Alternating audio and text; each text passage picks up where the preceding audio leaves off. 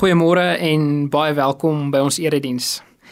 In Johannes 14 vers 6 dan sê die Here Jesus: Ek is die weg, die waarheid en die lewe. Niemand kom na die Vader toe behalwe deur my nie. Mag hierdie woorde vanoggend vir ons 'n uh, toevlug en die waarheid in ons lewe ook wees. En daarom groet ek jou in die naam van die Vader en die Seun en die Heilige Gees. Amen. Ons lofprysingslied vanoggend is Psalm 18. Ek het U baie lief, o Heer.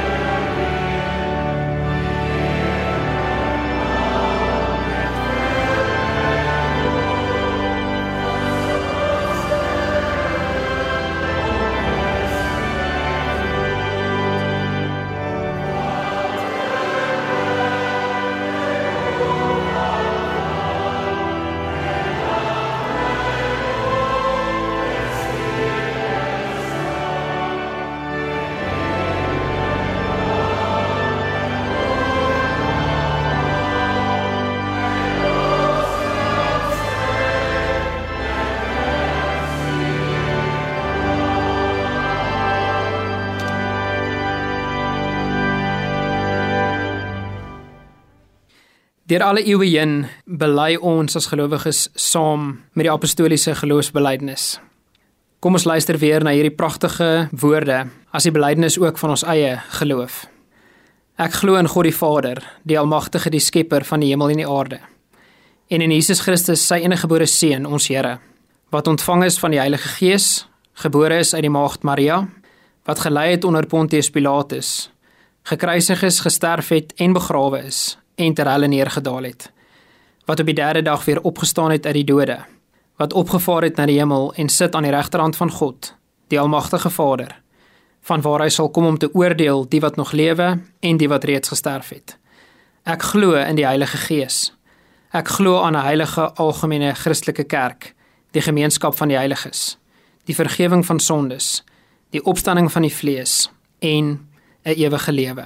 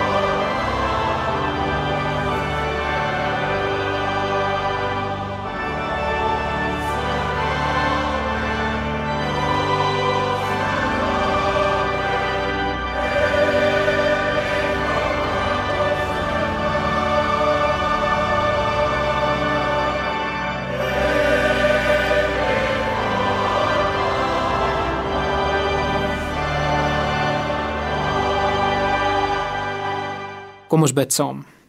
Here, dit is vir ons 'n voorreg om hierdie woorde weer te kan bely.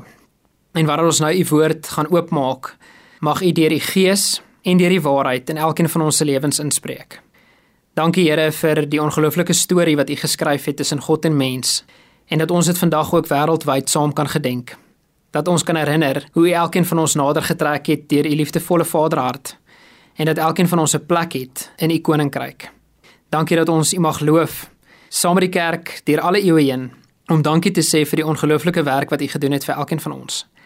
Mag u ook elkeen van ons raak sien in hierdie tyd en mag ons saam met u ook hierdie pad loop. Heilige Gees kom vul ons gedagtegange en kom maak ons harte oop as ons na u woord luister. Amen. Ons skriflesing vanoggend is uit Johannes 15.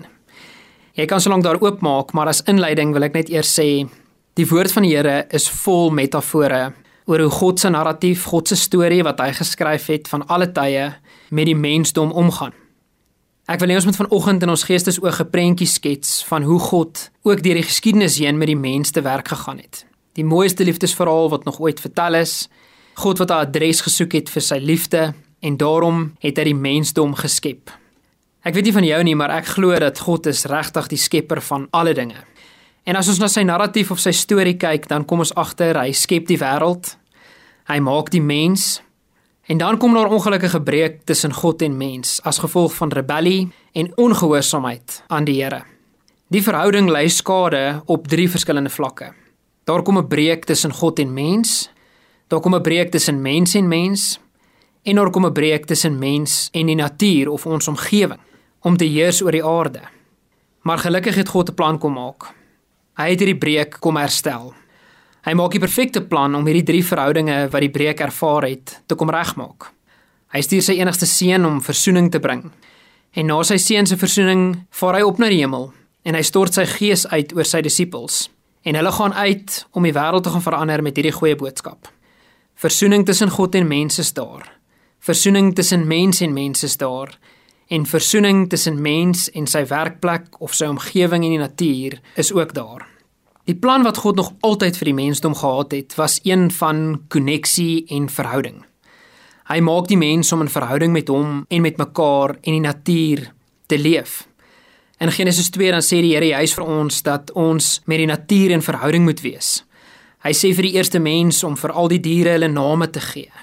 Toe maak hy die vrou en hulle moet heers oor die natuur. Of in ander woorde gesê, hulle moet in verhouding staan met dit wat God alles gemaak het. Een van hierdie metafore wat in die Nuwe Testament vir ons verduidelik word en wat jy al seker 'n paar keer gehoor het, is Johannes 15. Hierdie eerste deel van Johannes 15 het die ongelooflike metafoor waarin God vir ons, sy volgelinge, probeer leer hoe sy hart lyk.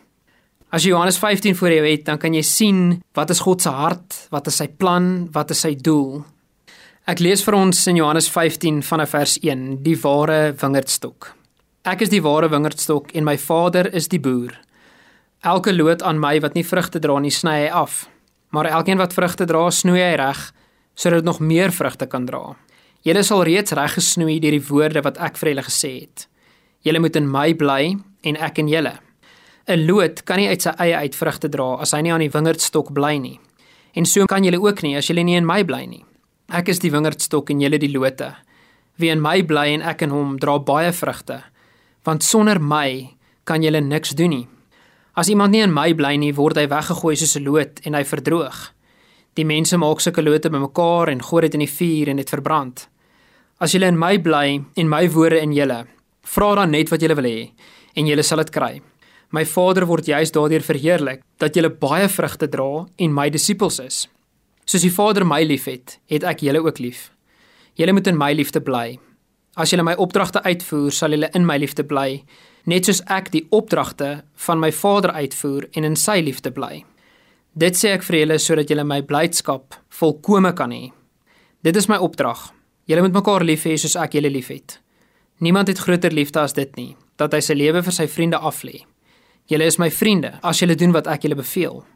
Ek noem julle nie meer ondergeskiktes nie, want 'n ondergeskikte weet nie wat sy baas doen nie.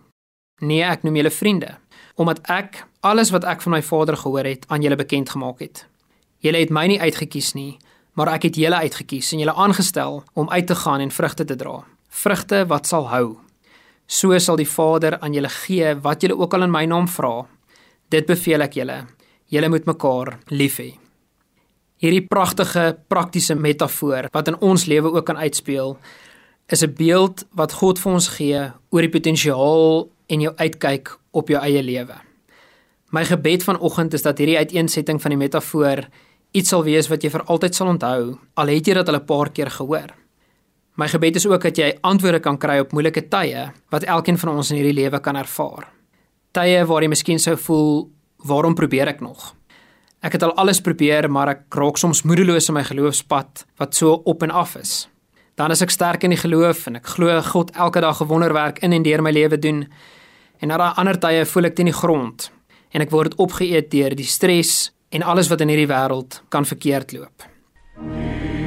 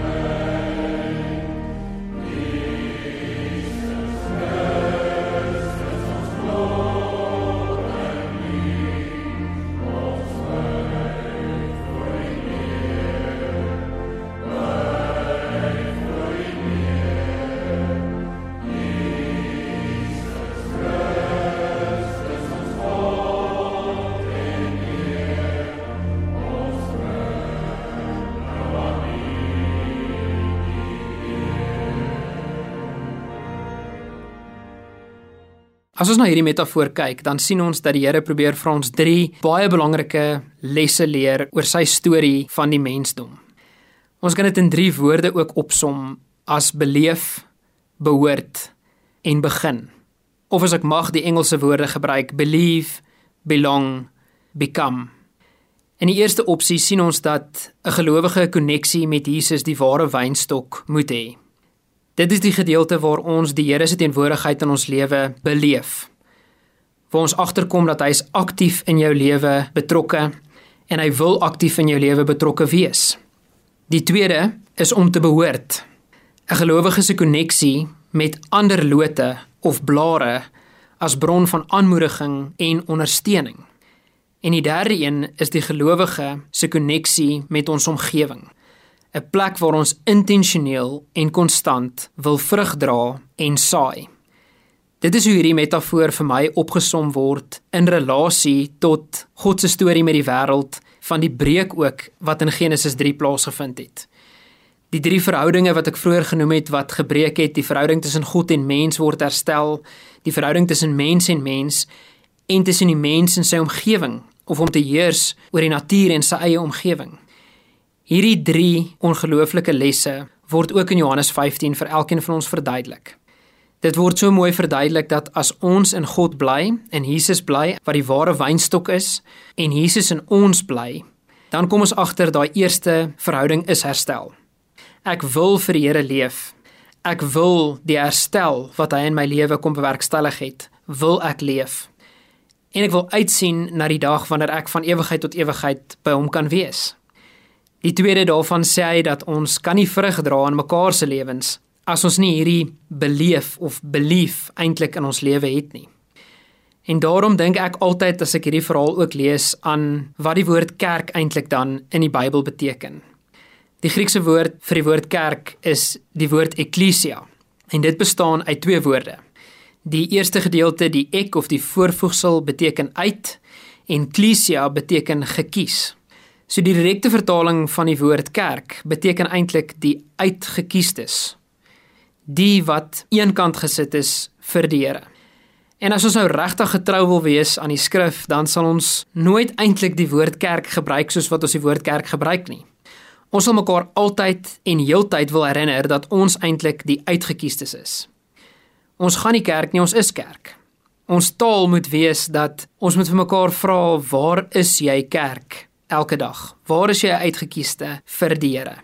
En dit word vir my opgesom in hierdie drie verhoudings wat die Here ook vir ons verduidelik in die metafoor van die ware wingerdstok. God se hart vir herstel word deur al die eeue al geëgo. Hy wil in 'n heilige koneksie met jou staan. Hy wil hê jy moet in 'n intieme koneksie met jou naaste staan. En hy wil hê daar moet 'n intentionele koneksie met jou leefwêreld wees. Dit is die drie verhoudings waarna ons altyd sal streef. Ek probeer altyd vir mense ook verduidelik dat ek glo dat daar in die mens inherent in die DNA van 'n mens twee baie diep geloofs-oortuigings geplaas word. Eintlik kan jy dit noem 'n soeke wat elke mens het. Die eerste soeke glo ek wat in die DNA van elke mens ingeskryf is, is die soeke na 'n opperwese. 'n Soeke na iemand groter as onsself. Ek glo die Here het dit in ons elkeen se DNA ingeskryf omdat hy ook wou gehad het dat ons hom moet terugsoek omdat hy altyd besig is om ons te soek vir daardie heilige koneksie met hom. Dis hoekom so baie mense sê dat daar 'n spasie in elke persoon is wat net gevul kan word deur die heilige. Ek glo elkeen van ons is so gemaak. Die tweede ding wat in ons DNA ingeskryf is, is dat ons is verhoudingswesens. Ons is op soek na verhoudings met ander mense. En daarom is dit so belangrik dat as ons na hierdie metafoor van die ware wynstok sou luister, dat ons sal besef hoe belangrik dit is om in koneksie met ander mense te leef. Soos wat God wat die verhoudingsgod is en in sy totale drie-eenheid aan die begin in Genesis gesê het, kom ons maak die mens as ons verteenwoordiger. So is ons ook gemaak om in koneksie met hom en met ander te leef. In die Engelse vertaling word dit ook so mooi gesê as daar gesê word dat ons eintlik net kan vrug dra wanneer ons in die ware wynstok gewortel is. En as jy begin besef en regtig diep binne jou glo dat jy 'n uitvloeisel van Jesus kan wees in hierdie wêreld, dan verander jou hele lewe. As jy regtig begin glo hoe om Jesus te vertrou, dat sy lewe gewende gees deur jou vloei soos in die lood in, dan kan jy regtig glo dat God altyd vir jou sal sorg al lyk die omstandighede hoe sleg rondom ons. Jy sal glo dat God die beste vir jou wil hê. Al sê alles om jou vir jou die teendeel. Jy sal nie meer dat skuldgevoelens van om nie genoeg te doen jou gedagtes oorneem of jy eintlik verlam om 'n ekstensie van Jesus te wees in jou lewe wêreld nie. Hierdie geloof is soveel meer as net 'n kognitiewe oefening van ek weet dat God bestaan Dit is 'n diep geestelike ervaring en 'n verhouding met die wingerdstok. In hierdie intieme koneksie met die lote of met die blare, kom ons agter dat God het jou uitgekies om tot seën te wees vir die mense rondom jou. Jesus roep ons tot 'n spesiale koneksie met diegene wat ook takke en blare is wat aan hierdie ware wingerdstok geënt is. Ons word genooi na nie net 'n gemeenskap met God nie, maar ook met ander gelowiges. Ons word verbind aan die lewegewer, heel gemaak deur sy liefde en sorg, wat nou vir ons die opdrag kom gee. Julle moet mekaar lief hê. Een van die grootste opdragte wat God ooit in sy woord vir ons sal gee. Jy sal onthou dat ek aan die begin gesê het dat as daar miskien twyfel is in God se goedheid vir jou, moet jy ook besef dat daar soms 'n snoeiproses in ons lewe is om ons meer vrug te laat dra. Die vrugteproduksie word ondersteun deur die snoeiproses maar dit word ook ondersteun deur die blare rondom ons. Ek weet nie of jy geweet het nie, maar die blare is een van die belangrikste komponente van 'n wingerdstok waar die fotosintese plaasvind sodat daar vrug gedra kan word. Die metafoor wat ek altyd daarvoor gebruik is die mense rondom ons. Met wie is jy besig om jou met 'n hoë frekwensie te omring wat 'n positiewe invloed in jou lewe kan uitoefen? Mense wat jou nog nader en nader aan die ware wingerdstok kan laat groei. Mense wat as te ware fotosintese in jou lewe kan laat plaasvind sodat jy nog nader aan jou Skepper kan beweeg. En net so belangrik dat jou vrugteproduksie mag verhoog. Want die derde en die laaste deel van hierdie metafoor is na watter plekke om jou is jy besig om Jesus te wees. Ons koneksie met ons werk, ons omgewing, is 'n plek waar ons konstant en intentioneel moet vrug dra en moet saai. Ons is nie net deel van God se storie vir onsself nie. Ons is ook deel van God se storie vir die verlore wêreld daar buite. Ons hoofdoel as eklesia, as uitgekiestes, moet eintlik wees sodat die res van die wêreld ook wil deel word van die uitgekiestes. En as ons vrug dra, As jy 'n konstante, lewegewende verhouding met die Here Jesus leef, dan wil ons graag vir die wêreld daar buite wys wie is ons Skepper. 'n Lewe geleef soos Jesus Christus, 'n uitbeelding van die wingerdstok waarin jy bly en waarin jy altyd lewe ontvang. Watter beter plek om dit te doen as in ons huise en by ons werkplekke? By die werkplek stel Jesus jou in staat om by ander betrokke te raak en verhoudings daar te bou. Hierdie verhoudings hoef nie eksplisiet godsdienstig te wees nie. Trouwens, meeste van hulle begin eintlik uit 'n plek van vriendskap. Maar dan gee die Here vir ons die geleentheid om sy vrug vir die wêreld te wys. As vrugdraende loot, het jy die praktiese doelwit en die intentionaliteit om waardes in jou werksplek en in jou huis te handhaaf wat in lyn is met die vrug van die Heilige Gees. Getrouheid, geduld, vreugde, goedhartigheid, nederigheid en selfbeheersing. Ek glo dit is een van die maniere hoe ons en verskoon weer die Engels believe, belong en become. As ons glo in die ware wingerdstok, as ons behoort aan hom en die res van die lote, dan word ons 'n ekstensie van Jesus Christus oral waar ons gaan. Mag hierdie drie lesse bidend by jou bly en mag jy besef dat die Here so diep en groot roeping op jou lewe geplaas het. Dat jy deel kan bly en wees van sy narratief. Deur alle tye en eeue heen jou plek sal inneem in die geskiedenis om deel te wees van sy kerk, sy eklesia, om ingeskakel te wees by 'n geloofsgemeenskap en om van daar uit te gaan en vrug en seën te hê in jou alledaagse lewe. Kom ons bid saam. Here, dit is vir ons 'n voorreg om deel te kan wees van die ware wingerdstok. Dankie dat ons kan weet dat U is die een wat vir ons lewe gee. As ons gewortel bly in U, dan is U die een wat lote uitstoot wat ons is, wat blare het, wat fotosinteer, wat mekaar kan ondersteun, bemoedig en bemagtig om te kan uitgaan om U hande en voete in hierdie wêreld te wees. Mag elkeen van ons vanoggend opnuut daardie roeping besef. Mag ons besef watter groot impak ons kan maak oral waar ons kom, sodat die mense kan sien wie ons Skepper, Here, tot U eer sodat u eer mag vermeerder en die glorie net nog meer en meer mag word deur meer mense wat se lewens verander word deur u gees. Mag elkeen van ons uitgaan en mag ons besef watter ongelooflike voorreg dit is. En hoe graag ons wil, Here, ons hele lewe vir u teruggee. Mag ons gaan daar buite om u koninkryk te bou en nie net u gebruik om ons eie koninkryk te bou nie. Maar mag u aanstuur wees van alles in ons lewe. Ons vra dit alles, Here, nie omdat dit verdien nie, maar in die mooiste naam wat ons ken die naam van Jesus Christus. Amen. Ons sluit af met ons slotlied lied 219. Laat ons sing van ons verlosser.